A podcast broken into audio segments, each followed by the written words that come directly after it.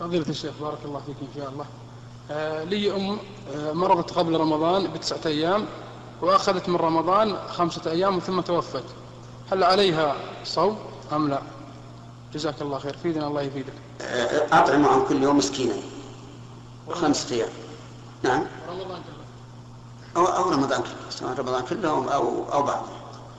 لأن لأن كل إنسان يأتيه رمضان وهو في مرض لا يرجى برؤه فإنه يطعم عن كل يوم مسكينا.